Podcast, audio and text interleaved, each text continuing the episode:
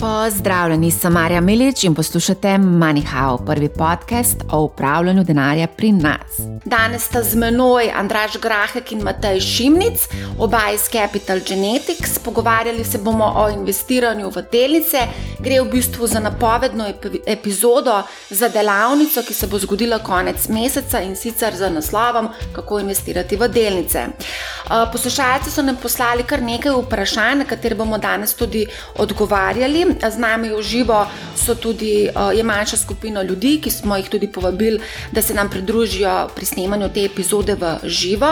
In seveda, če, ma, če, vas, če se vam porodi kakršno koli vprašanje, nam lahko pošljete preko četa ali pa se pridružite uh, z zvokom v živo, po želji. Skratka, um, program delavnice je lahko, mislim, bom kar rekel, da je kar precej pester, bogat, uh, zelo natančen in podroben. Uh, in s to delavnico uh, si boste zagotovo.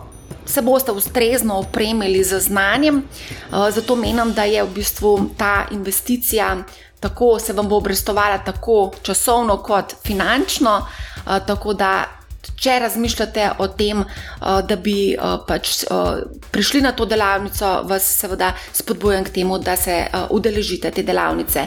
Andraž, mi dva se ravno včeraj pogovarjala o vsebini delavnice in si rekel, da je, o, da je res veliko vsebine.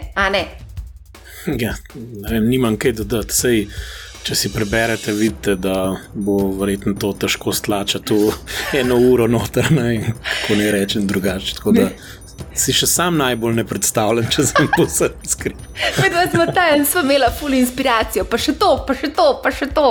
Ne, kar neka nova in nova vprašanja se odpirajo, ker pripravljaš en tak program. Lahko pa rečem, da tako podrobnega pač programa nisem videla še nikjer. In pa, kaj gledamo tudi, kako bo sama vsebina izgledala, mislim, da bo zelo, zelo, tako, uh, zelo izobraževalno no, in zelo tako delavnica za dodano vrednostjo. Matej, povej. Ja, bistvo je, da je praktično. Bistvo je, da, da, da se po eni strani, da se mečkam teorije razume, za, zakaj je. Uh, uh, pa da se, da se razume, ko nekdo nekaj govori, da je delnica precenjena, podcenjena, kaj to dejansko pomeni, um, zakaj so nekatere delnice lahko drage, pa se jih še zmeraj splača kupiti, zakaj nisem kaj sploh je delnica, kakšno vse živo, no, res vse. Tako da.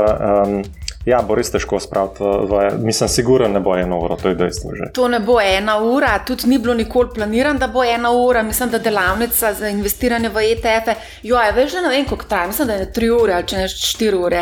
Vem, da smo si takrat kar precej duška dali, tudi na koncu smo imeli QA, pa se je kar razvlekel, ne, tako da tle pričakujem dosti podobno. Tudi napovedali so nekateri uh, poslušalci, da bodo zelo veliko sprašvali, no, oziroma da se verjetno bodo porodila vprašanja. Uh, po delavnici. Um, tako da, a, a gremo kar na vprašanja um, poslušalcev, gledalcev, ste smo za?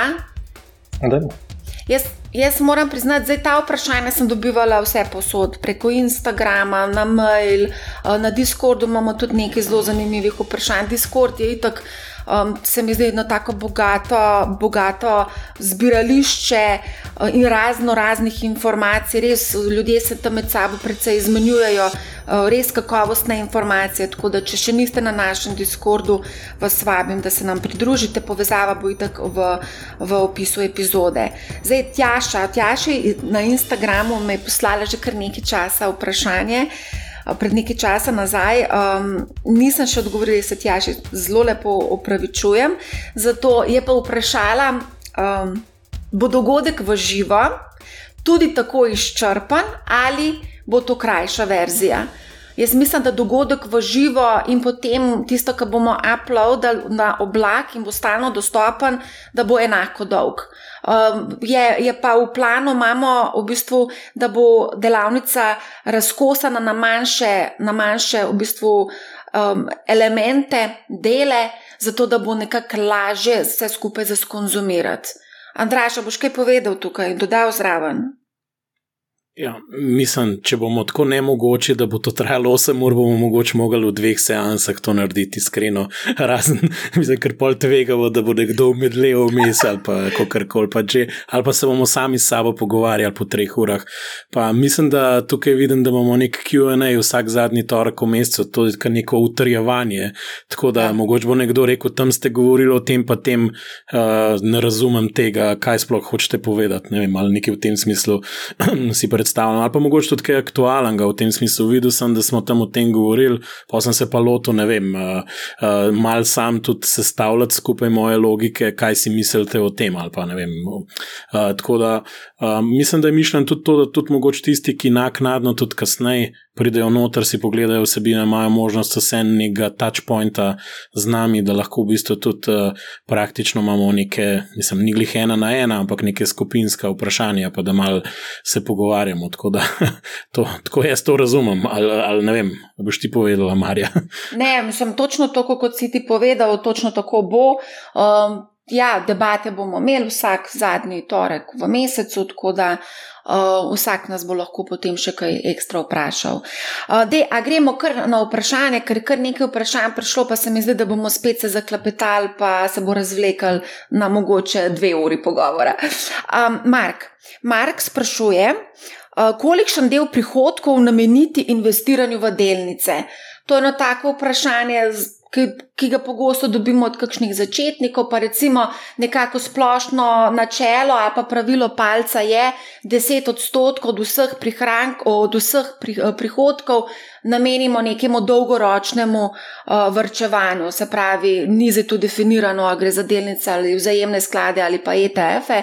Nekako smo pa že mi v tej delavnici investiranja v ETF-e postavili neko osnovo, neke temelje, uh, se pravi, da lahko potem zgradimo to našo zgodbo. Andraž, da ti povej, to vprašanje doskrat pride, koliko ti meniš, da je tista, tist procent, ki bi ga morali nameniti investiranju, mogoče ne konkretno v delnice, ampak na splošno v delnice. Vse jaz mislim, da se je v redu povedala, zato ker se mi zdi, da mogoče 10% je ena taka taka proport dohodka, da verjetno se najde nek način, da mečken tudi, če zategneš pas, v bistvu lahko to alociraš. Um, zdaj, če pa ne morete deset, pa dajte saj pet. Um, meni je v bistvu všeč ta tvoj koncept, ki se enkrat schemo plačila risala, ker ni tako, da najprej plačam položnice, pol pa vrčujem, ne? ampak v bistvu se obratno naredi, da najprej odtegnem neki zavrčevanje in pol delam naprej. Sej lahko naredite pet, odtegnete, plačate, pa pač ostane še razliko, date v vrčevanje, recimo. Ne? Ampak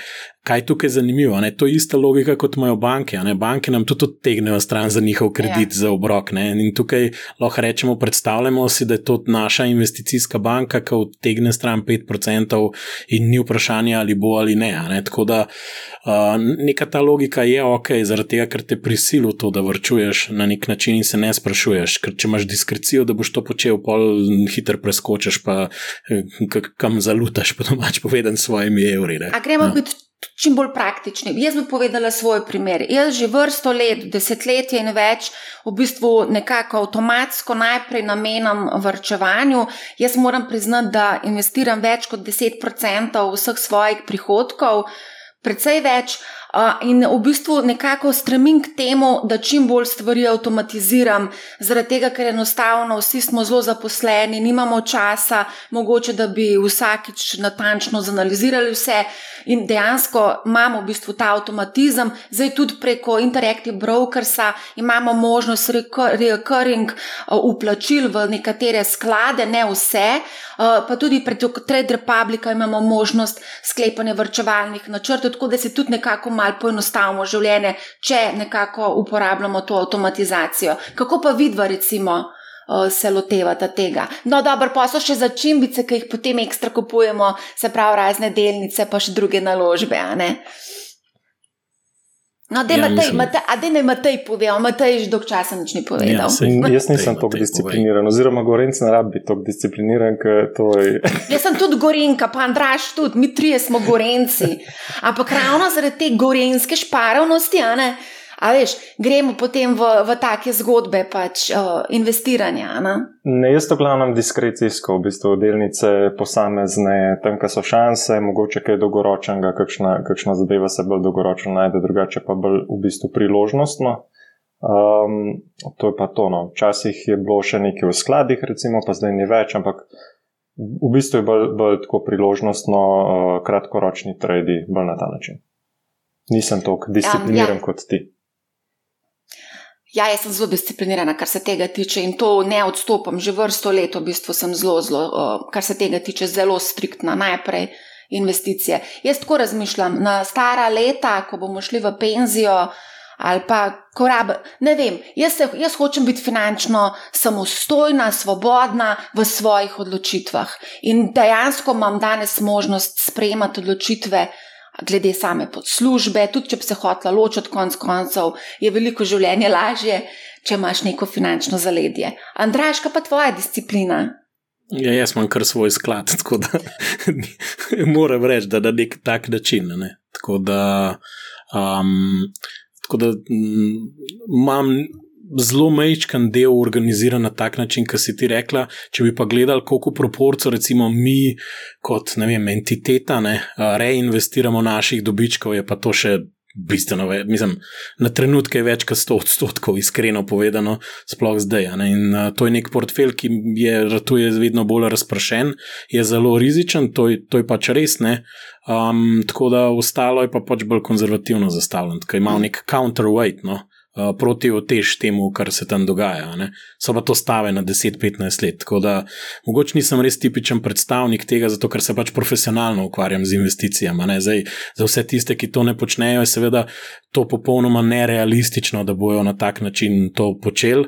Um, ampak, če tega ne bi počel, pa bi nek drug poklic imel, bi pa definitivno stavil res na, na zelo pocen uh, indeksne ETF-e z stalnimi vplačili, ki so avtomatizirani in se ne bi sprašval nič, uh, uh, ali je to pametno ali ne, in to bi počel na dolgi rok. To, to je skoraj praktično neka protiotež, da ne narediš kakšne hitrapari, ker nimaš časa se s tem ukvarjati in razmišljati o tem. Um, uh, to je ponovadi bolj problem, da tisti, ki nimajo časa se začnejo malo s tradanjem in takimi stvarmi ukvarjati, pa malo pustijo, pa spet malo tradajo. In v bistvu, mislim, tradanje že tako ne priporočam, ker je statistika miserable. Uh, neke bolj dolgoročne naložbe, praviloma, ali pa saj srednjeročne, ki imajo neko vsebino, je fino, da imamo uh, nekako v portfelju, če jih imamo. Tradanje je tako, se izide sam za une, ki so na drugi strani na provizijah ali pa kako koli že.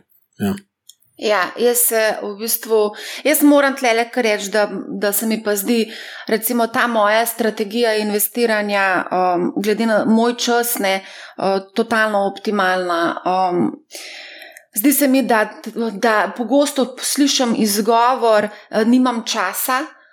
Zdaj, ko obstajajo vsi ti avtomatizmi, pač ta izgovor pade v vodo, ker pač uh, da se vse lepo naštimati in da se investirati. Jaz, mogoče, sam, če bi dodal, ne, zdaj, ker imamo tukaj delavnico, kjer se želimo malo nekoliko več naučiti in spoznavati, ne, kaj je neka zdrava logika pa pristopa. Ja. V bistvu tukaj, v vsakem primeru, jaz menim, da moraš imeti ta osnovni temelj, kjer so sami ETF-ji in se ti dogaja avtopilot. Medtem ko potem, ko imaš neka presežna sredstva, ali pa si to lahko prvo, se danes ni več potrebno velikih zneskov imeti, zaradi tega, ker je izjemno enostavno kupiti delček delnice, uh mhm. -huh. si pa lahko prvošaš, da s časoma neke razumne odločitve sprejemaš in še dodajaš na to osnovo. Tako, tako jaz to vidim. Nikakor pa, po mojem mnenju, ni pametno za nekoga, ki ni investicijski profesionalc, opustiti indeksno varčevanje. To, to je nekaj, to res odsvetujem. Majte nek, neko osnovo, pa čut, če je 100 evrov na mesec, pa ne bo 100 evrov, ne se skozi nateka tja, ne bo to, mislim, gledajte na to kot nek vrčevalni. -huh. načrt, ostalo ne bo pa mogoče nek oportunistični pristop, to, kar je rekel Matej, ker on pač pol, seveda, sam mal, ki vidi, da mu je nekaj všeč, kar vidi, gre in pač se odloči za da kup delnico in jo pač bo sam razložil, koliko časa drži in kaj pa tam počne. Mogoče, A gremo ja. naprej. To je tudi eno pogosto vprašanje. Zdaj mi investiramo v uh, eh, ETF-e, v sklade. Um, in pa seveda želimo začeti naš portfelj s kakšnimi delnicami. In lahko seveda prihaja tudi do podvajanja delnic. To je še vedno od Marka vprašanje. In sicer recimo imamo Apple kot delnico in imamo Apple tudi v skladu. Kako zdaj balansirati te stvari, da nimamo potem preveč mogoče Apple? To je, bil, to je čisto en tak primer. Matej, mogoče, če lahko ti pomagaš le. Je to lahko, to lahko problem v določeni meri, je pa tako, da vseeno so, uh, pač v takem primeru moramo paziti. Ne? Predvsem te uh, največje delnice po največjih kapitalizacijah ne, so uh, praviloma imajo neko malo večjo utež, te uteži spet niso tako ekstremne, ampak lahko malo pazimo, da, da, da, ne, da ne v bistvu. Da, da nismo preveč izpostavljeni do te delnice. Je pa tudi tako, da če pogledamo zdaj mi nek uh, Apple, Microsoft, Google, ki so te največji, ne, so tudi zelo korelirani z, z SP-jem, uh, zelo pač nizko je tveganje. Tako da tukaj dodajati te delnice je res pač smiselno. Če, uh, če želimo pač povečati izpostavljenost do, do, do tega, oziroma da vidimo, da se bo nekaj konkretnega dogajalo, drugače je za recimo uh, uh, jih pač ni smiselno nekaj dodajati. No. Uh, so, je bolj, mhm. bolj tukaj ta stock picking, oziroma uh, te stvari pridejo bolj do izraza tam, kjer, kjer ima indeks manjša izpostavljenost do tega sektorja, a pa recimo, da najdemo neko bolj uh, regijsko zgodbo ali take stvari. Uh no. -huh. Mogoče ta stvar toliko bolj aktualna v tem trenutku, ker je tudi, če pogledamo SP, se povečala koncentracija uh, največjih, ne vem, 50-ih, uh, tako na nek način, pa tudi desetih uteži, torej največjih podjetij. In recimo primer, Apple ima, če imate ETF na SP 500, ima 7 odstotno utež, ravno kar sem pač to pogledal v samo SP. Zdaj, če boste vi 20% Apple imeli v cel. Če, se, če imate 120 enot, pa je 20 enot Apple, pa 100 enot SP-ja, to pomeni, morate na look-through basis se temu reči, ne? da upoštevate in otež, ki jo imate skozi ETF, to je teh 7, plus konkretno 20 imate že 27% v eni delnici. In um, mogoče bi en rekel, vse je ok, ker mislim, da je to prav, ker mislim, da, ma, da je podcenjena, ampak dejstvo je, da sprejemate že aktivno stavo, še večjo kot vi, vi imate to obteženo, potem kaj to trikrat več, štirikrat več, kot trg pravi, da bi na nek način glasuje, koliko, App, koliko je Apple predstavlja kot v celem trgu. Ne? Torej, ste že, to je zdaj izraz prekomerno obtežili, overweightali. To je že dobra debata, ker tudi ta izraz, ki reče overweight, underweight, je vedno relativno glede na utež v nekem specifičnem tržnem indeksu ali pa povprečju. In če ste rekli, Apple bom dodal, ste rekli, Apple bo rastel ali pa ustvaril na dolgi rok večji donos kot, kot sam trg. To je neka logika tega. Zdaj, zakaj ste naredili? Morate pa razumeti, zakaj. lahko mečete pikado, lahko ocenimo notranjo vrednost delnice, lahko vem, grafe rišemo, pač to so pa različni pristopi. Uh -huh. A gremo kar naprej. Um, zdaj, to je še vedno vprašanje od Marka in sicer, kako pogosto spreminjati portfelj oziroma naložbe v portfelju, kdaj delati revizijo in podobno. Je v bistvu odvisen, kakšna je zgodba. Zdaj, če, če, če imamo neko zgodbo, tako kot je bil uh, um, nek AI oziroma neko, uh, neko tematiko, da, da stamo na neko tematiko, ki je po možnosti še tehnološka in se zelo hitro ta dinamika spremenja, to je pač smiselno to temo vsak dan spremljati. Ne? Če pa zdaj govorimo tukaj o o, o, o neki drugi, bolj dolgoročni zgodbi, neki demografski, uh, zaradi staranja prebivalstva oziroma uh, stava na prodaja, prodajanje nekega zdravila, nekaj, je, pa, je pa to lahko pač zelo, zelo tako, zelo pač bolj dolgoročno pregledovanje oziroma pregledamo zdaj običajno vseeno pogledamo rezultate. No. Mogoče vržemo takrat uč, kakšni so rezultati podjetja, pa se zadeva premika v, v pravo stvar, ne, v smer. Zdaj, ko meniš rezultate, Jrnaja sprašuje ravno o poslovnih rezultatih, ali jih pogledate, ko jih objavijo družbe, in kako to potem vpliva odločitev, na, na odločitev za nakup delnice. Kako se odločimo, se ko odločimo na podlagi teh poslovnih rezultatov. Marsikater mogoče Mogoče se jim zdi to ravno najbolj sofisticirani del, na ko gledaš te poslovne rezultate, pa je vse mogoče. Marsikomu je to tako zelo kompleksno za razumeti. To tudi govorim iz pač mojega poklica, ko vidim, kako v bistvu novinari analizirajo poslovne rezultate, bločipo, ko se objavijo. Um, pa, me, pa mogoče lahko tukaj odgovorimo, uh, kako to vpliva na našo odločitev uh, za investicijo. Ja, v bistvu se, se to ne, mislim, splača. Obvezno jih je za pogled, takrat, ko je neka večja reakcija na, delnica, na, te, na delnici. To se pravi, ob, ob rezu, objavi rezultatov lahko pride do večjih premikov na delnici in je to je kar pametno razumeti, zakaj je prišlo do tega premika na borzi in ali je to nekaj, kar lahko dolgoročno vpliva na delnico. Ker če je to nek dolgoročen vpliv, ali da je no, no, predvsem na vzdolj uh, ali pa na vzgor, ne, je uh, smiselno takrat malo razmišljati, uh, kako odreagirati. Zaradi tega, ker velikrat ne, uh, ob objavi rezultatov, sploh delnice, ki mirujejo, ki se na en dolg čas nikamor ne premaknejo, oziroma so v nekem ranžu in, in je objava rezultatov. Boljša od pričakovanja, pa slabša od pričakovanj, je po tem začetnem eh, skoku pogost trend v to smer. Tako da je, je smiselno to spremljati, kdaj se objavlja rezultatov, in če gre za velike premike, vrštuč na, na novico in um, objektivno pogledati na to. Ker velikrat si govorimo, da mm. ja, delnica je prava za 10%, pa se to je samo neka kitajska zgodba, pa se to ne bo dolgoročnega vpliva imel. Um, Doskrat pač smo bajes do zgodbe, če delnica, mislim, imamo mm. subjektivno mnenje, kako bo novica vplivala na delnico, tako da moramo čim bolj objektivni biti. No. Pa raj zmanjšati delaš, no, če, če, če mislimo, da sicer mrzdo bo rekel, da je to reakcija v paniki, ne, ampak moramo pogledati, no, ne, smemo, ne smemo kar pustiti, pa upati, ker sem videl veliko portfeljev, no, ki so na delnice imeli po, po 80, 90, 95 odstotkov izgube kitajske zgodbe, kjer si je bilo že zdavnaj znano, da gre za. za uh, uh, Uh, pump and dump, oziroma da, da zadnji ni premoženja, uh, pa so se še zmeraj držali v portfeljih. Evo, to je pa tudi moja kitajska, kitajska zgodba, tudi moja bolečina. Tudi jaz sem tle izgubila kar nekaj denarja. Mislim, kar nekaj, v bistvu niti ni bilo tako veliko, če sem čisto iskrena, ampak je bila izguba.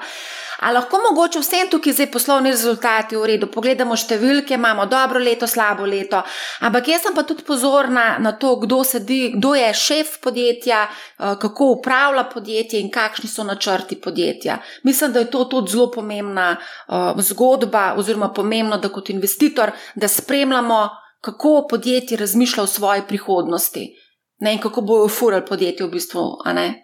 Mislim, načrti, načrti, ja, to absolutno. Zaradi tega, ker na podlagi načrtov, na podlagi guidance se reče, eh, oziroma eh, načrtov za naslednje leto ali pa naslednji kvartal, in to je pomemben faktor, ki ga analitiki spremljajo in na podlagi tega dajo priporočila. In uh, ta guidance ima vpliv na to, kam se delnica premika.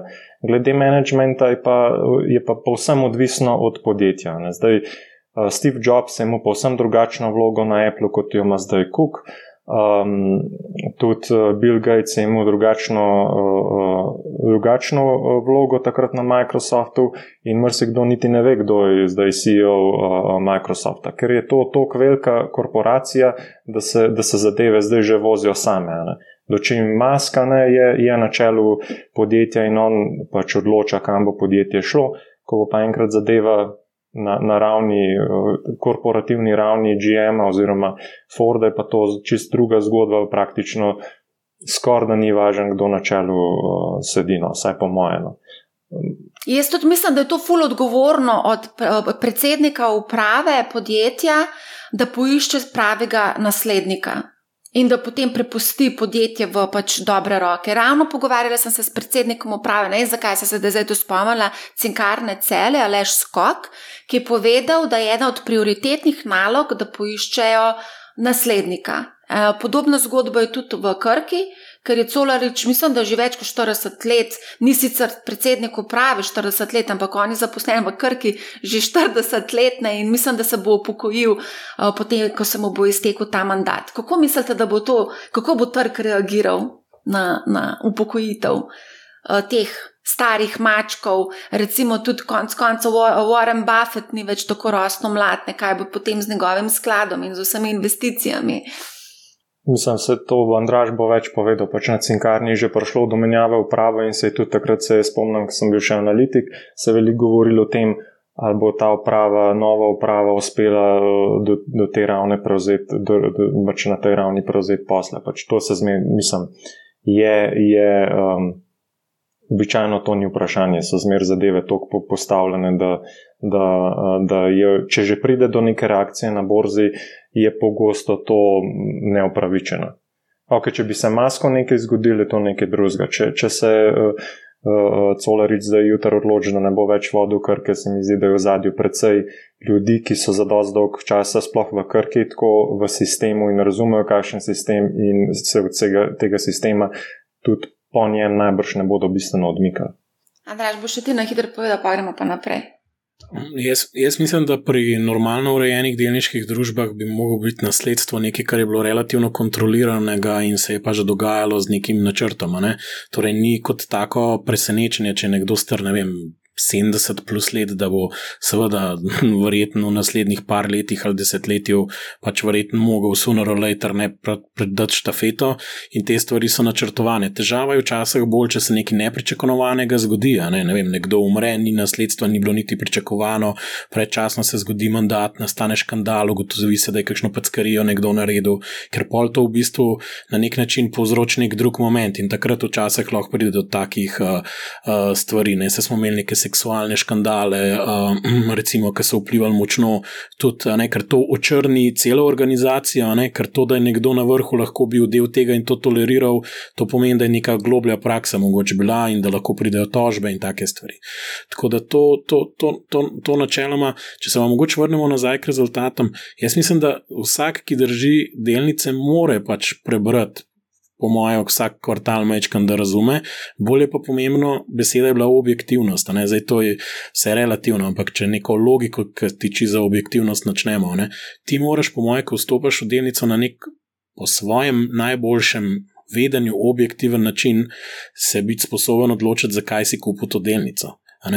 Težava, ki jo vidim, je, da mnogi impulzivno kupujejo delnice, ker pač ali ti skočijo po nekih rezultatih, pa, pa jih lovijo gor, pa niti ne vejo čistočen, pa pol analizirajo, kupijo in pol analizirajo. Ne?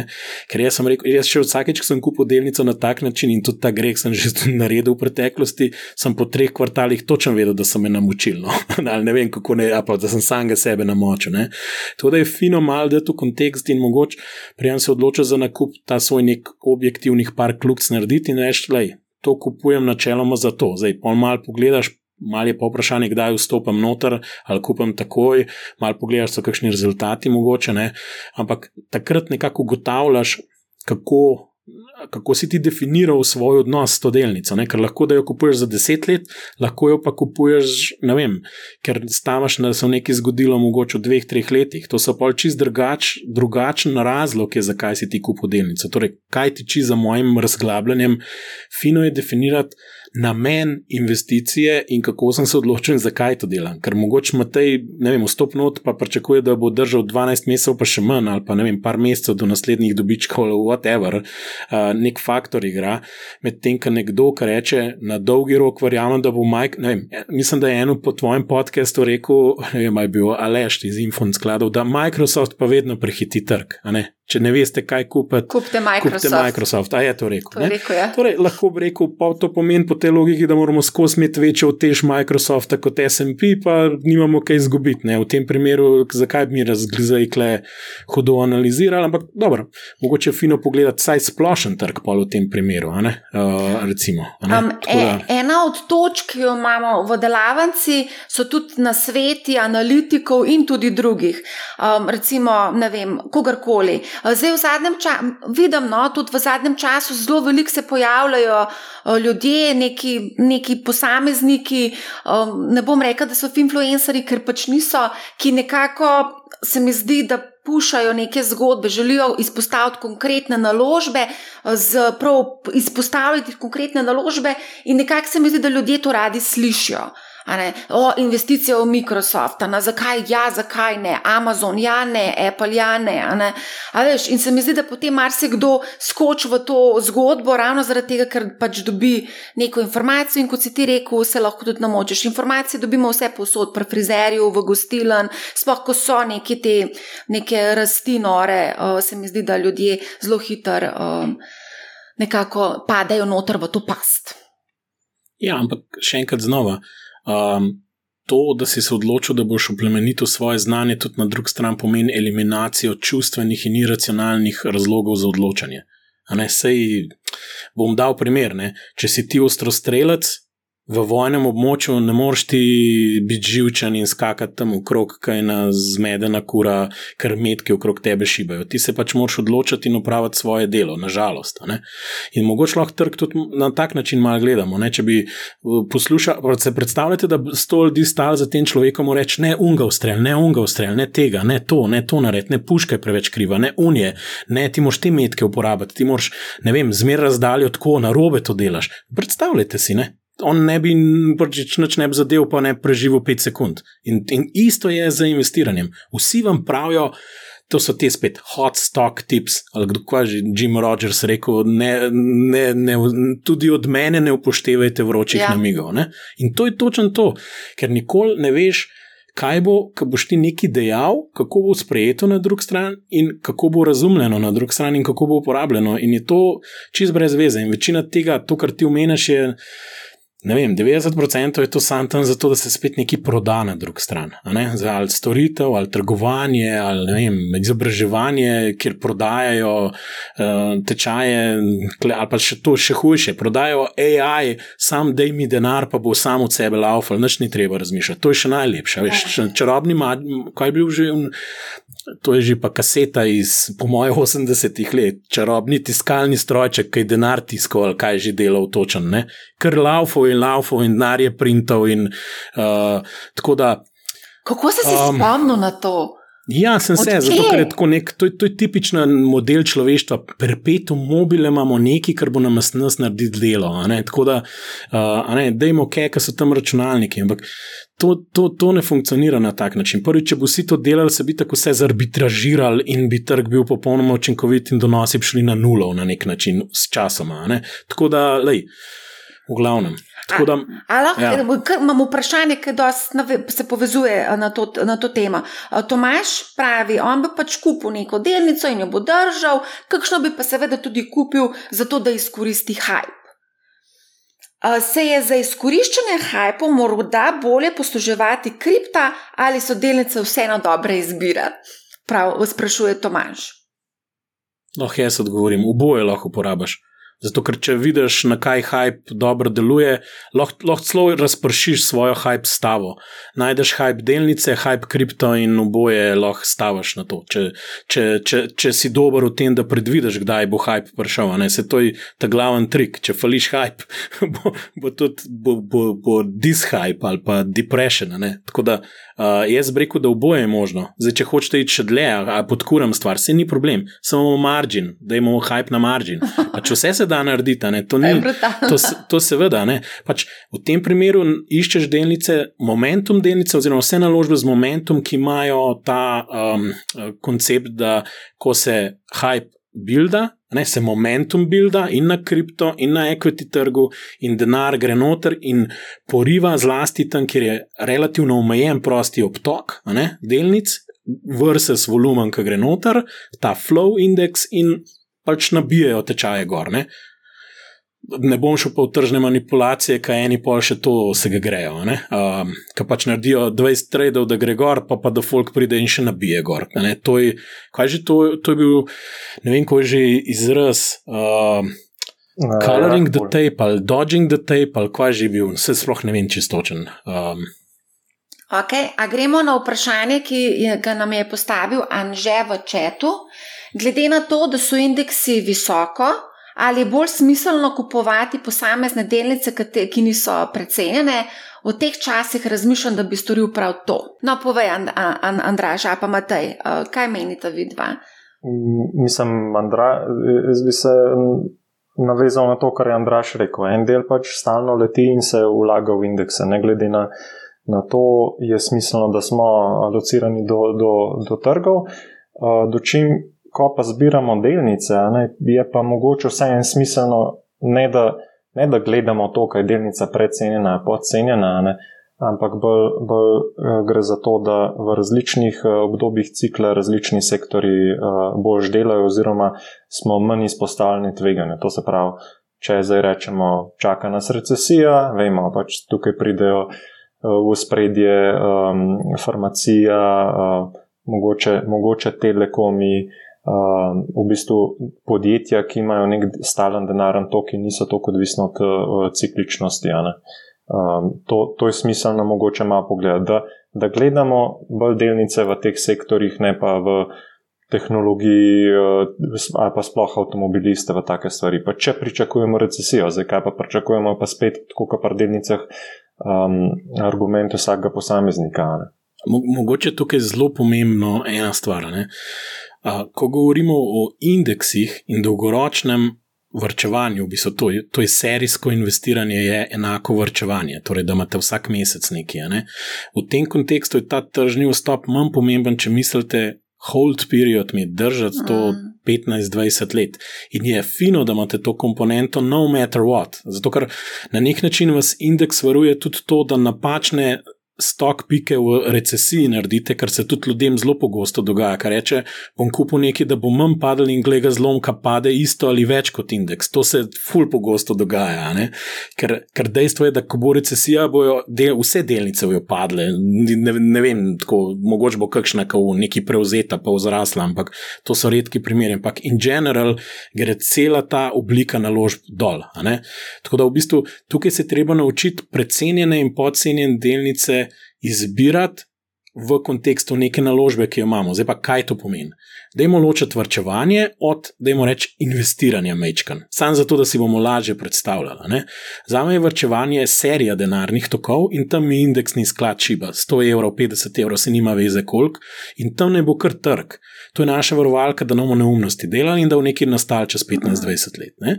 Potem imamo pa drugo komponento, ki pa lahko rečemo investiranje tam pa določajmo lahko in se obnašajmo in se vprašajmo, kje v ciklu smo in zdaj kaj lahko naredimo. Če mislimo, da je recesija, lahko ostanemo tudi v kešu. In danes naš, v kešu lahko dobimo tudi 4%, recimo.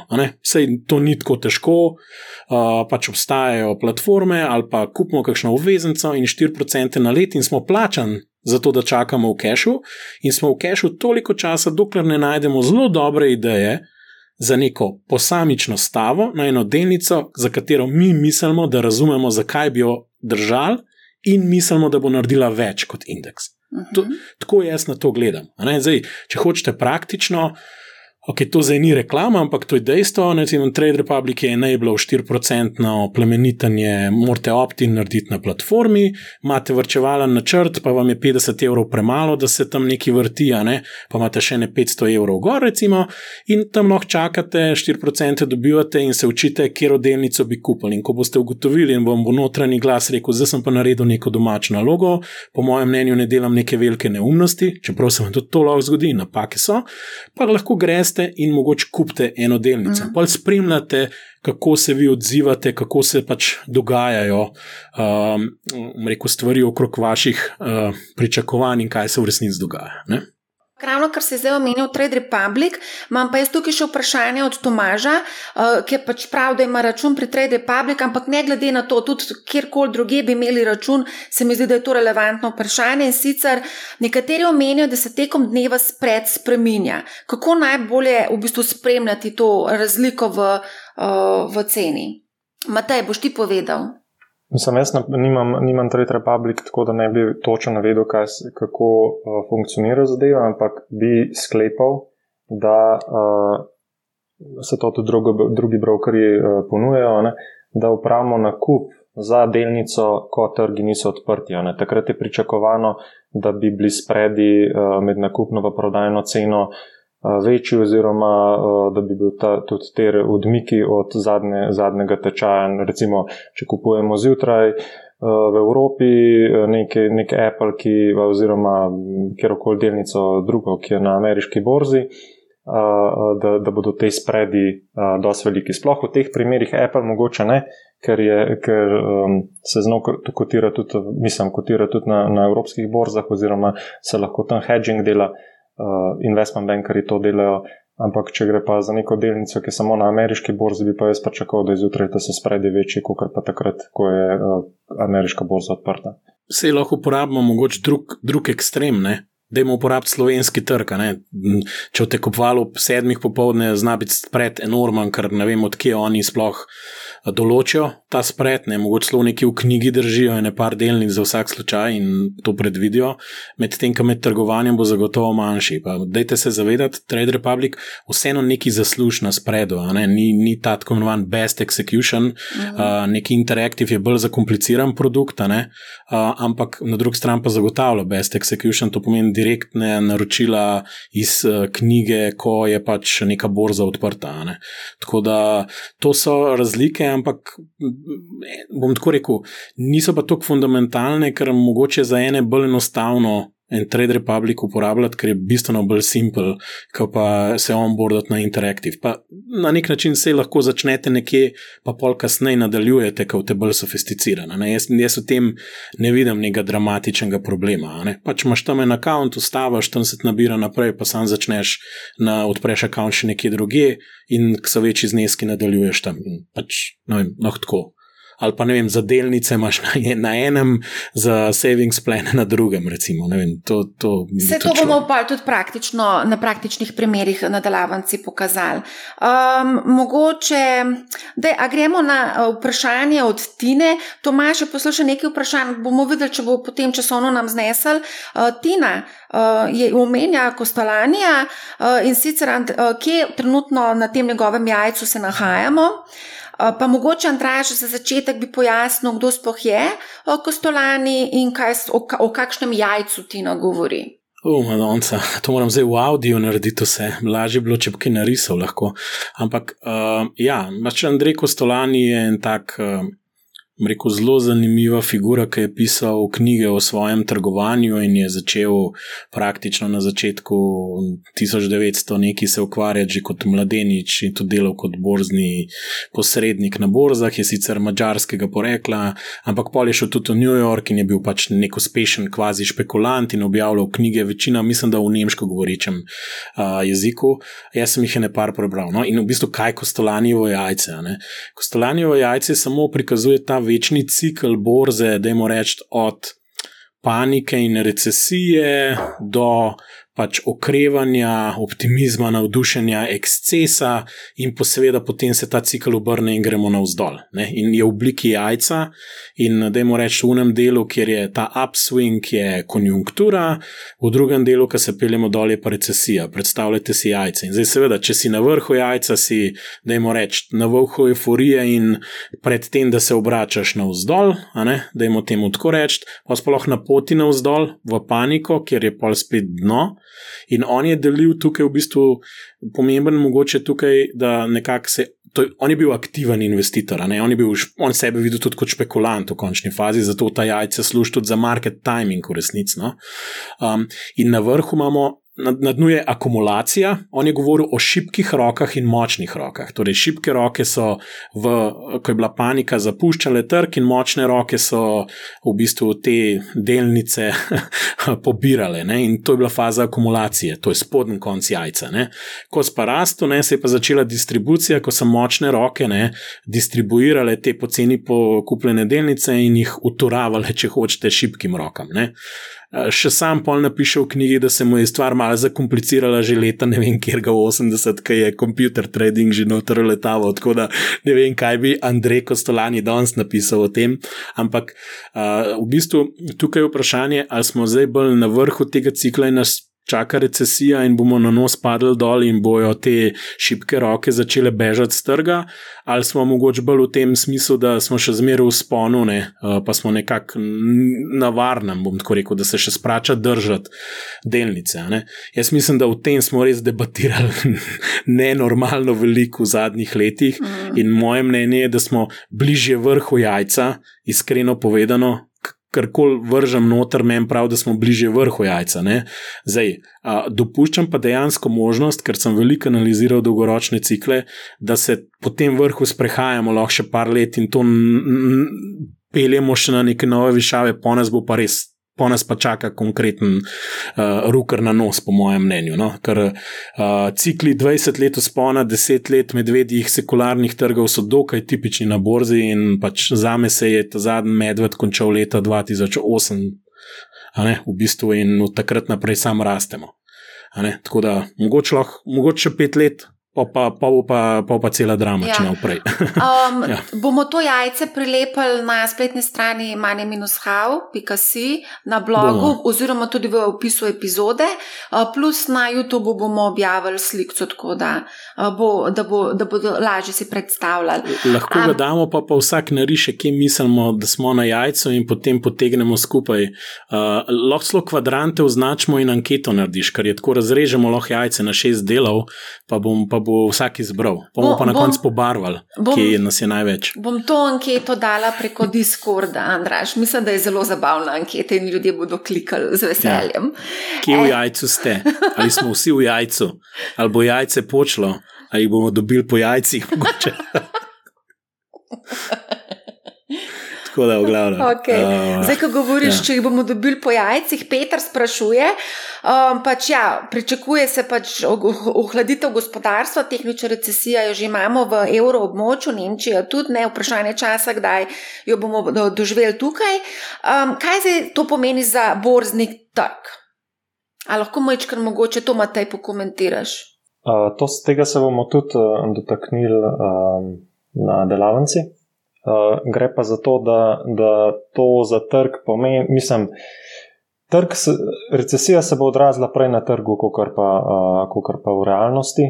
Tako da, če bo kaj šlo, uh, če se bo gospodarstvo začelo uh, um, konkretneje ustavljati, ne bomo mi to že prej na, na, na borzi videli. Zdaj, neke korekcije smo zdaj že videli, uh, zdaj pa dejansko um, je malo vse skupaj v zraku. Uh, to se pravi, ampak lahko pričakujemo, da če bo nekdo rekel, ja, zdaj smo pa v, v, v recesiji, ko bo prišla potrjena, no takrat bo v bistvu uh, že, že malo za, zagledati, kaj za kupati, ne za, za, za prodajati. Ne. Tako da uh, borzen trg zmer uh, prehiteva, uh, običajno vedno prehiteva uh, makroekonomski cikl. Uh, bo pa Andraš verjetno dodal zgodbo s psom in, in, in repom. A res je. Okay. Bom mogoče opustil za delavnico, um, da bo s psom in repom. Se strinjam s tabo. To, to, to, sprašval, to? To, to naj bo tisti, kako se že reče, trigger, veš, oziroma uh, prem, teaser, teaser, teaser uh, za, za, za to, da bodo ljudje prišli na delavnico. Um, mogoče zdaj le eno vprašanje, ki ga je postavil. Aha, to je bilo pa na Discordu o dividendah. Ne? Katere delnice z visokim odstotkom dividend imate v svojem portfelju? Okay, mogoče bolj na splošno o dividendnih politikah. Videli v Sloveniji, slovenska podjetja oziroma delnice Slovenci ponovadi investirajo ravno zaradi tega, ker so dividendno donosne te delnice. Pa mogoče, če lahko, Matej, čisto na hitro poveš, kako ti gledaš na dividendne politike, ti je kot investitorju pomembno, da kupaš delnico, ki prinaša dividendo. Ni, mislim, jaz bom iskren, meni, ose, meni osebno ni. Zaradi tega, ker ima, ko ima enkrat uh, podjetje dividendo, sploh to, kar se dogaja v Sloveniji, da so izjemne dividende, to pomeni, da, da uh, podjetja nima ideje, kje rast oziroma kam vlaga ta denar, da bi dosegel rasti. Zdaj, iskreno, tudi uh, druga plat te zgodbe je, da smo mi videli že eno obdobje, ko slovenske delnice niso izplačevale dividendi in so je pač ta denar šel v naplačne smeri, tako da še zmeraj boljš v primeru slovenskih firm imeti dividende, kot pa um, balkanske naložbe, uh, pač ulaganje na, na balkanske to, trge in iskanje rasti. Uh, ampak običajno je pa, pa res veliko, ko podjetje uh, zaključi uh, z nekim investicijskim ciklom oziroma z nekim obdobjem rasti in uh, ne vidi, uh, kje, kje bi lahko ta uh, denar pametno uh, uložilo, takrat se začnejo uh, v večji meri izplačevati dividende. Uh, Eh, to ni nič narobe, pa, ampak pa pomeni, da, da, da bo poslovanje podjetja uh, uh, raslo bolj počasi. Ja, mogoče, mogoče v delavnici bomo razložili to razmerje v bistvu zadržani dobiček, izplačani dobiček, ne? ker višja dividenda lahko temelji na višjem deležu izplačanega dobička, kar pomeni, da imaš manj kapitala, ki ti je na voljo za rast ob enaki donosnosti na kapital. Zdaj pa rast je pa v bistvu produkt koliko imaš not kapitala, pa koliko ga plemenitiš. In to je več faktorjev, kle v igri. In če management nima dobrih idej za nove projekte, ne, v bistvu je mogoče boljš res dati denar nazaj, kot pa da za neumne projekte ta denar poraba. Ne? To se zdaj malo tako sliši. V Sloveniji pa mečkam še zgodba to, da pač nekatere trže. Nekatera podjetja imajo dejansko prevladujoč položaj na trgu, no, ali pa blizu temu, ne, recimo kot so NLB, primer, ali pa Telekom, tudi velik delaš. In uh, zaradi tega so mal še, rekel, boljši donosi, kot bi mogoče bili, če bila to neka huda konkurenca, rekel na nekem drugem trgu. Tako da neki faktori so klej, ki pa ljudje mečkaj na eno arbitražo majhnega trga likvidnosti igrajo. Ampak načeloma visoke dividende so znak zrelih podjetij, ki naj ne bi rasle prav preveč hitro naprej. Uh, tako da se umirja rast in vračajo kapital delničarjem, in pa morajo delničarji se vprašati, kaj bomo s tem kapitalom naredili. To je ta neke vrste uh mhm. -huh. dogovor. Um. Ja. A kar gremo naprej, Mataja je na Discordu vprašala za eno tako hipotetično vprašanje, ampak mislim, da marsikdo razmišlja o, o teh zadevah in sicer, kolikšno odstotni letno donosnost lahko pričakujemo pri portfelju, ki je sestavljen 50% delnice, 40% ETF, pa 10% kripto. Mogoče je to zelo tako res, res hipotetično, ampak ja, recimo, kaj lahko pričakujemo od um, podjetij, kakšne donosnosti lahko tukaj pričakujemo? Zdaj, nekako za ETF-e, za, oziroma za te um, razpršene košarice, indekse, približno vemo, imamo SP 500, imamo koliko 8-9% letna donosnost, Mazda, ki bo 14-15% letna donosnost, ampak spet nam imamo zelo tako obdobje, produktivno oziroma plodno obdobje, ne, tako da mogoče se to ne bo ponovilo v nadaljnih desetih letih, ne, mogoče bomo imeli čisto kontra zgodbo. Ne. Pa mogoče tukaj lahko, če lahko mogoče tukaj dodamo, kaj je vezano na, na delnice. Tukaj so lahko donosi 100%, plus, 100 ali pa so tudi lahko vem, 80%, 90% na izguba, kar smo rekli že tako na začetku. Jaz, jaz mislim, da že ta prva stvar je takoj, kaj je to donosnost, pa v kakšnem času jo merimo. To je zelo, zelo pomembno vprašanje. Ponovadi zgleda tako: Mirko pride, nariše spodnjo točko, nariše zgodno točko, zmer, koliko je to zrastalo, in je 100%. Donos je 100% na delnici. Nvidia, kva, par mesecev pa je bilo 100%. Ne? Očitno to tako laufa ali kaj.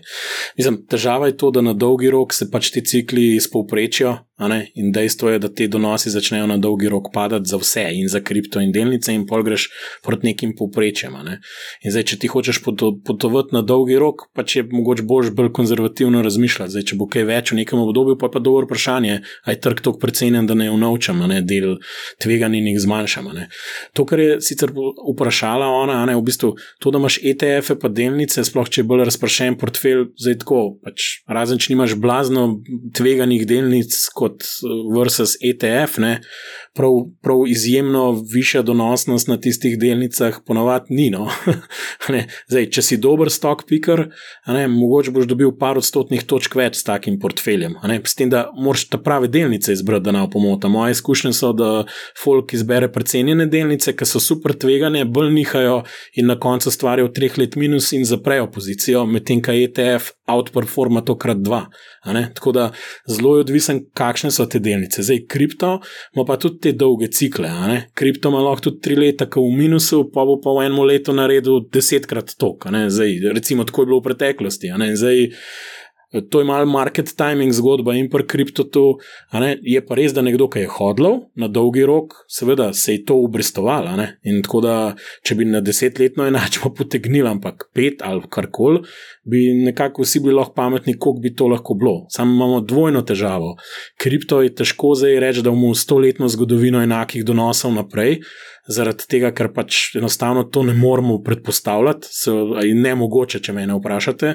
Medtem, ko nek standard SP 500 se pa skozi menjajo podjetja, se mogoče pa kripto podjetja no čez deset let. Ne? Tako da to moramo tudi upoštevati. Tako da um, vse stave, kripto in delnice so aktivne in morajo narediti več.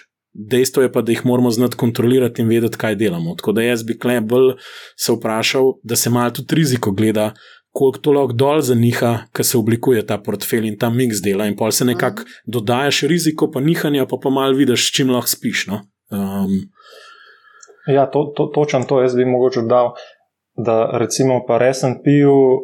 Ne vem, koliko je ta razporeditev? 10% kripto, pa koliko je? 40 ETF, 50 delnice. Aha, ok. Uh, ne, recimo, zdaj, če, če, če govorimo, ne, če govorimo kri, kripto, ne, kripto ni nekje na vrhu, ampak vseeno 80% nihaj navzdol ne bo presenečenje.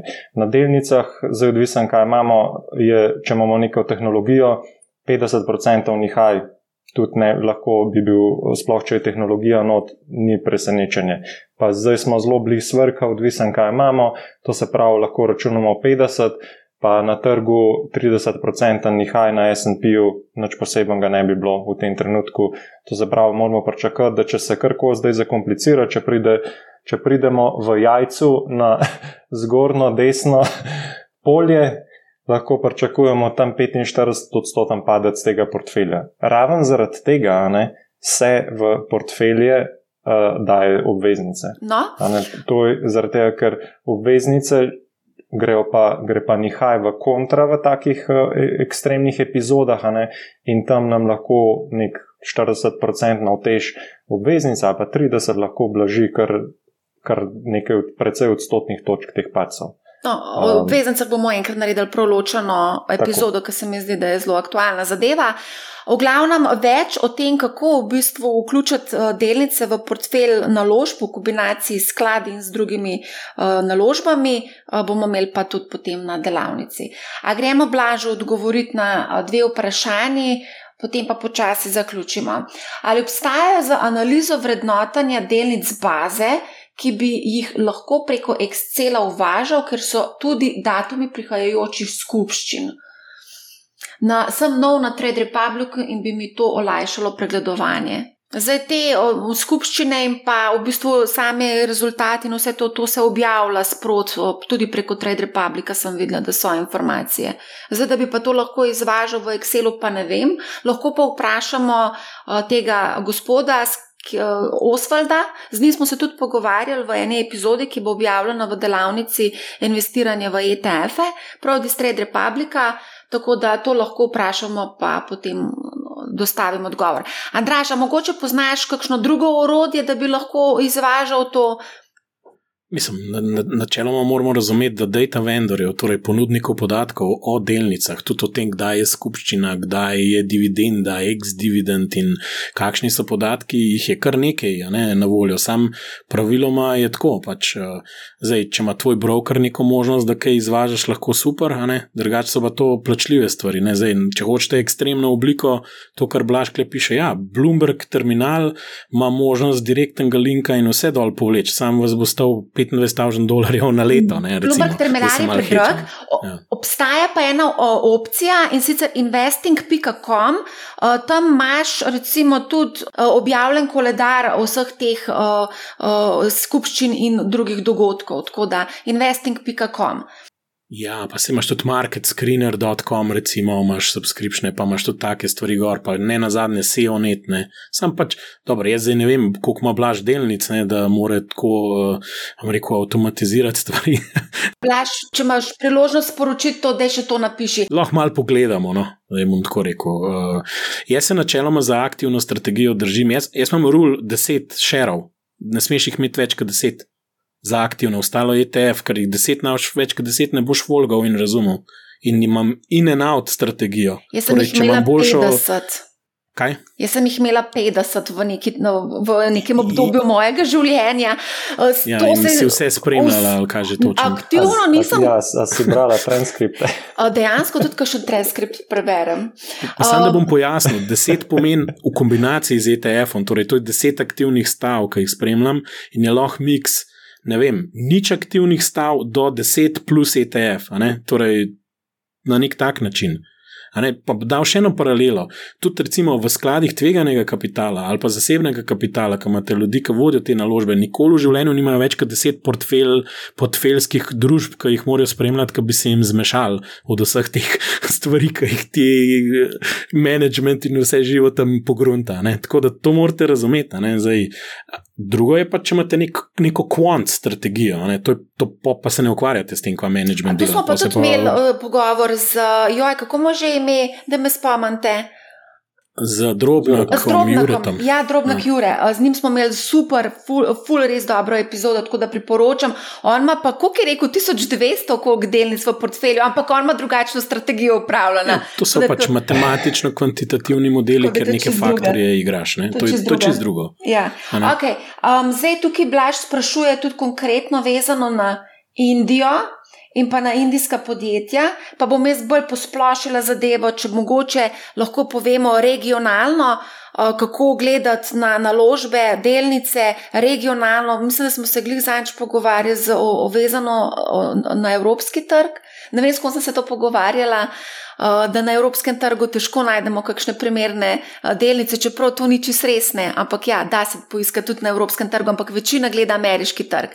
Matej, Uh, ja, spet mislim, da uh, tlej, jaz to, ki se nisem z emergingom ukvarjal, ampak tukaj je neka cikličnost. To se pravi, uh, moramo vedeti, zmer, uh, kadarkoli rečemo neko stavo na, na emerging trg, ne običajno govorimo o zelo šipkem uh, lastnem popraševanju oziroma šipki, uh, šipki lastni potrošnji. To se pravi, te trgi se zmer zanašajo na nek, nek končen market, običajno so to ZDA, Evropa. In um, zdaj, če bo, ZDA, če bo šlo slabo, če se dolar krepi, uh, je to rata problem za, te, za, ta, za, za, za emerging trge, sploh zaradi tega, ker so podjetja in tudi države uh, zadolženi v dolarjih. Tako da um, Indija ima potencial, zaradi tega, ker lahko beremo, uh, bo nadomeščala očitno ta proizvoden del. Uh, Uh, ki, ki ga zdaj se v glavnem predstavlja Kitajska, ampak uh, je treba biti pozoren. Pač ni, uh, smo se naučili, ni, ni decouplinga, ni, ni, ni, te trgi ne bodo uh, šli po svoje, če bo v, trgi, na, na, v zahodnih trgih problem. Ja, mogoče, mogoče tukaj tudi tako. Indija imaš ti predstavo o neki ekonomiji, mlada demografija, vse bo rastlo, pa pa kupaš nek indeks, pa je not, ne vem, največja otež ali pa druga največja firma, ki dela IT in ga prodaja na zahodu. In rečeš, kam pa te zdaj to veze s tem.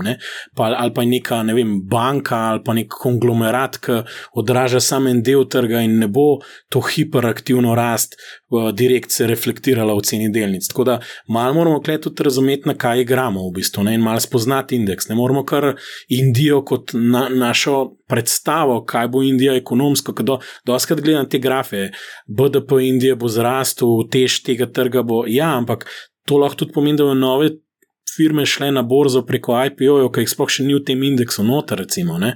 Ne? Tako da to, to ni directly relatable, tako da je treba domačo nalogo narediti. Um, tako da jaz, me, seveda, Indija, Indija mislim, da je tako dolgoročna stava. Jaz mislim, da je težko zdaj reči, da je pa to leto, ne? ker emerging marketi so testirali potrpežljivost vlagateljev zadnjih praktično 15 let ali nekaj taga v tem smislu. Tako da to se moramo zavedati, da nekaj taga se nam lahko zgodi, je pa res, da mogoče kar bi pa jaz identificiral, pa to, da so res underperformali za, za zadnjo deset let in več. Tako da mogoče je dobro vprašanje, ali prihaja neko obdobje, kjer bojo lahko outperformali, pa se moramo pa vprašati, pod kakšnimi pogoji bi se to lahko zgodilo. Ne? Zdaj, globalna recesija je to malo teže mogoče. Ampak, ne vem, mogoče v nekih petih letih, če, bo, če ne v recesiji, ne, se to lahko začne kapital seliti tudi z nekih trgov spet tja. Pa se moš pa spet vprašati, zakaj se bo selil tja. Tako da zelo so, zelo so te trgi, um, kako rekel, odvisni od toka globalnega kapitala, ki pride na ta trg, to, kar imate rekel. Tako da te faktori so srednjeročno bolj pomembni, kot to, kar se v Indiji dogaja z ekonomijo, v resnici. Skoraj za trg, govorim. Okay. Um, super, to bomo pa še malo bolj poglobljeno uh, odgovorili na delavnici. Uh, je pa Tomaš postavil za konec, bomo samo še na to vprašanje odgovorili, katere tri knjige je dobro prebrati, glede analize delnic. Uh, iz uporabnega stališča slovenca, kako kupiti delnico, in ne filozofskega, mislim, to boste dobili tako na delavnici, tako da sploh nobene knjige ne rabite brati. Hecam, hecam. V naši Manihau knjižnici imamo dejansko nekaj teh knjig, The Intelligent Investor. To je ena taka, ki jo praktično vsi strokovnjaki priporočajo. Imamo When Markets Collide, to, to je tudi iz naše knjižnice. Pa mogoče bi omenila, da je The Secrets of Economic Indicators. Je tudi ena taka knjiga, ja, to je Gift to My Children, to je knjiga od Jim Rogersa. Uh, to je tako zelo simpatična knjiga, ki je mogoče tudi zelo lahko primerna za kakšno darilo. To smo se tudi pogovarjali z Jim Rogersom o, to, o tej knjigi. Uh, pa tale imam še, tale tudi v redu, Animal Spirits je tudi ena taka knjiga, ki je zelo priporočljiva. Um, Andraš, ti še kaj, ti si omenil prek, da si bral neke knjige.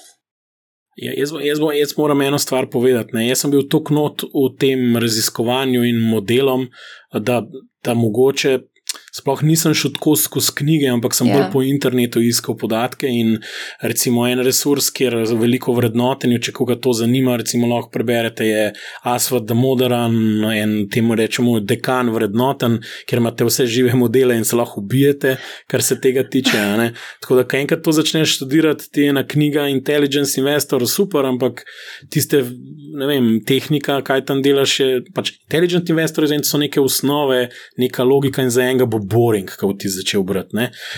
To, to je, če imaš ja. težave z nespečnostjo. Jaz kot rekel, kakšen YouTube zna biti čisto ok, se, se da kar velik stvari uh, gor dobiti, ne? ja, z nespečnostjo.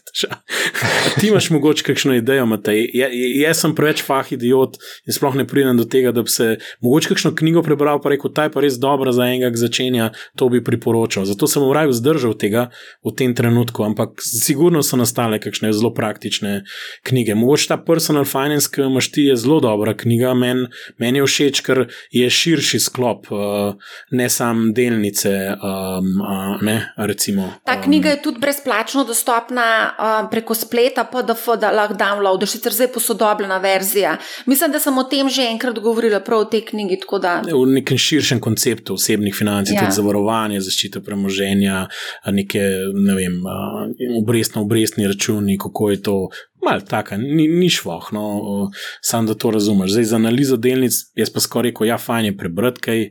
Um, uh, ampak to se najde, se, se sam iščete, če GPT, Google, vse vam bo ven metal. Investopedija. ja. Investopedija. Ena, ena ideja je mogoče uh, guru investor. Uh, za tiste, ki so bolj tako sistematični, uh, ki bolj te, v bistvu, ki si so uporabniki Excela uh, in, in tako naprej, ker gre skozi v bistvu pra, praktično zelo velik uh, investment gurujev, ki so zdaj aktivni ali pa so bili aktivni in skozi formule predstavljajo, na kakšen način oni stock picking delajo, oziroma čez katere. Uh, Screener, uh, omejitve oziroma filtre, morajo delnice priti, da, da so jih te vlagatelji pogledali. Zelo, zelo taka praktična knjiga, da, da daje tudi uh, zelo specifična navodila, kdaj je delnica primerna, pa kdaj ne. Včasih tudi ni šlo, vsem tudi malo pogledati, kakšno tehnično analizo, čisto da malo razumeš, tudi, kako trg, nori trg, malo gleda na stvari.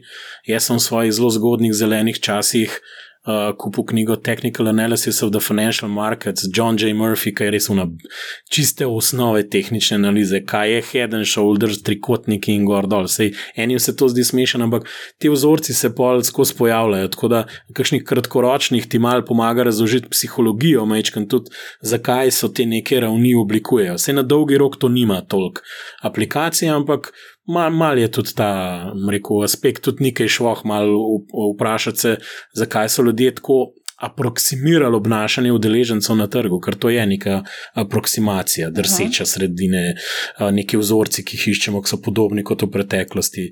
Torej, dejstvo je, da tudi scientific research pravi, da trg niha med uh, randomnosom in med trendom, in da je najtežje to ugotoviti, kdaj je trending in kdaj je random. Ja. In to je pa na srednji rok uh, ta trik teh modelov, tudi kvant, ki ugotavljajo vse živo. No? Ja. Okay, um, jaz mislim, da smo kar naredili en tak lep pregled. Um, nismo omenjali, recimo, um, pač borznih posrednikov in stroške borznih posrednikov. To bomo naredili tudi en tak pregled uh, vseh teh ponudnikov, ki so priljubljeni pri slovencih, uh, in pa seveda tudi pregled stroškov. Uh, potem tipi naročil, tukaj bomo šli v detajle, izbrati tržno ali limitirano, kdaj je pomembna ta izbira strategija izhoda. Tukaj smo z Matejem res dolg časa debatirali, kako se tega eh, lotiti, ne, tudi nismo se vedno strinjali, ampak strategija izhoda, kdaj je pravi trenutek, da prodamo delnice, obstajajo različne strategije izhoda. To je eno vprašanje, ki ga praktično skozi dobimo. Potem, Ko se pa to debatira? Ja, seveda, to je treba predebatirati. Ne, to je ni tako gnil jabolke noter v gajbici, pa ga ven vržeš. Ja, ni tako nekaj v tem smislu. To je neki nepodoben način. Ja. Uh, pa smo rekli, da bomo tudi davke kot bonus uh, k tej uh, delavnici, uh, pa seveda AI, ki je umetna inteligenca, ki je v bistvu uh, tudi lahko po, po, kot neko orodje za generiranje nekih idej za investiranje v konkretne delnice. Uh, tudi to bomo uh, pogledali. Andraš je že povedal, da bomo imeli live QA vsak zadnji torek v mesecu, um, tako da bomo odgovarjali na vse potencijalne dileme in vprašanja iz delavnice in tudi uh, sicer, karkoli vas bo zanimalo. Uh, to, teh vprašanj, zelo, jaz jih zelo veliko dobim, vedno nimam časa, da bi odgovorila na vsa vprašanja. V zadnjem času pa dobivam zelo veliko vprašanj, vezano na finančne svetovalce. Eh, želite, da prav konkretno komentiram konkretne finančne svetovalce, eh, in pa če se mi to dobro, zdi dobra ideja, da se pač eh, gre k temu konkretnemu finančnemu svetovalcu. Kot, oj, oj. Ne, ampak mi imamo, v bistvu, je v bistvu Manihaj je nastal v bistvu ravno zaradi tega, da nekako ljudi ustrezno izobrazimo, da lahko sami. Uh, investirajo, uh, po drugi strani pa je fino, da se, finan da se opremimo z nekim finančnim znanjem, če gremo k finančnemu svetovalcu, ki je v, njegovi primarna, uh, primarna misija, je, da pač proda neke produkte z, in zasluži provizijo. Ne? To pač je ja, dejstvo, da če se mora živeti. Ok, jaz bom razložil, kaj za me kardinal sin, torej večjega greha ni, ne? da greš v.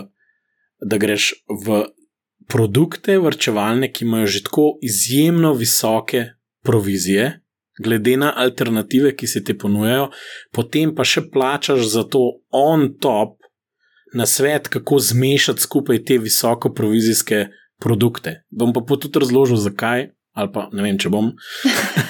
Zato, ker ta oseba najverjetneje dobila in od unih produktov nazaj, cash, in še od vas. Pa pa še zračunajte v celoten donos, pa odbijte stran vse te stroške. To, ta izračun bi jaz enkrat rad videl, ker jaz mislim, da, da na papirju so donosi, ampak polk odbijajo stran ure, ure, si pa v minusu v resnici ali pa na nuli mogoče. Da... Ja, sem jih vas posela tudi o, o, tem, o, o, o tej zadevi epizodo. Ne spomnim se zdaj točno naslova, ampak proti dragi finančni produkti, finančnih svetovalcev, neki taga, tako da tudi to si lahko tam poslušate. Tega, tega izračuna ni, kaj ti je. Ne, ne, izračuna, ja, to je res. Ampak ja. je v toku transparentnosti, bluzi in ne vem, kaj moš razkriti končnemu, to, da bi pa zračunal finančni svetovalec, kaj je skupni strošek svetovanja in neto učink predviden, tega pa še v lifeu nisem videl. Res. Se pravi, da bi zračunal pa, ter. Ja, ja, mislim, okay. na nek način, ja. Ne, bi rekel, donos pričakovanja 10, skupaj z našimi stroški in drugimi stvarmi je to toliko. Ali ne, ne bilo to fair vedeti? Jaz mislim, da bi bilo to res fair, ampak vprašanje, ja. če boš to dobil. Moral bi. Ja, v glavnem, uh, To je to, po moje. Um, tukaj Maša pravi, mi je poslala ravno kar uh, sporočilo, jaz se zelo upravičujem. Maša je imela težave z dostopom do tega live dogodka. Uh, ta live dogodek bomo zdaj zapakirali in tudi objavili v tem o, v oblaku uh, na spletni strani mani-hub.si, tako da si lahko ta posnetek lepo v miru uh, še pogledate, koliko krat si boste želeli ga pogledati. Uh, tako da toliko z naše strani, Matej, Andraš, imate še kaj za dodati za konec? Ne, se to je šele začetek, to ni konc. za začetek, če imamo kaj za dodati, ne. Ja, neč pa, pa najlepša hvala vsem, ki ste se udeležili tega live uh, dogodka, uh, tudi vama, Matej, Andraš, da, da ste prišla in seveda dala vsta. Um, to znanje že zdaj nam plada na mizo. Uh, tako da nadaljujemo, pa potem naslednji teden, 28.9., objavimo v bistvu delavnico. Uh, ne vem, če nam bo uspel uh, pripraviti vse v enem kosu. Andraš pravi, da bi bilo fajn, da bi epizode počasi spuščali, tako kot se epizode spuščajo na Netflixu. Jaz moram tudi čakati, zdaj, ko nekaj gledam, pa mi vsak teden eno dajo, da bomo tako zlobni, ampak mogoče malo veliko, no, uh, vse naenkrat, ne pokonzumirati tudi live, tako da mogoče lahko razdelimo tako na ene par predavanj. Na koncu bo tako vse v oblaku, tako da bo šlo za nazaj pogledal in pač, pa bomo imeli pa še tako QA kot neke vrste utrjevanje, tako da mislim, da bomo imeli uh, ko bi rekel, obilje finančnega znanja. um, no, dajte mogoče tisti, ki ste danes tukaj prisotni, dajte nek komentar poslati na to, kaj si vi mislite o tem. Um, tako da, ok, najlepša hvala vsem. Uh, hvala, da ste bili z nami tudi ostali gledalci in poslušalci, uh, bralci. Um, se vidimo naslednji teden, poslušajte Manihau, ne bo vam žal in lep pozdrav.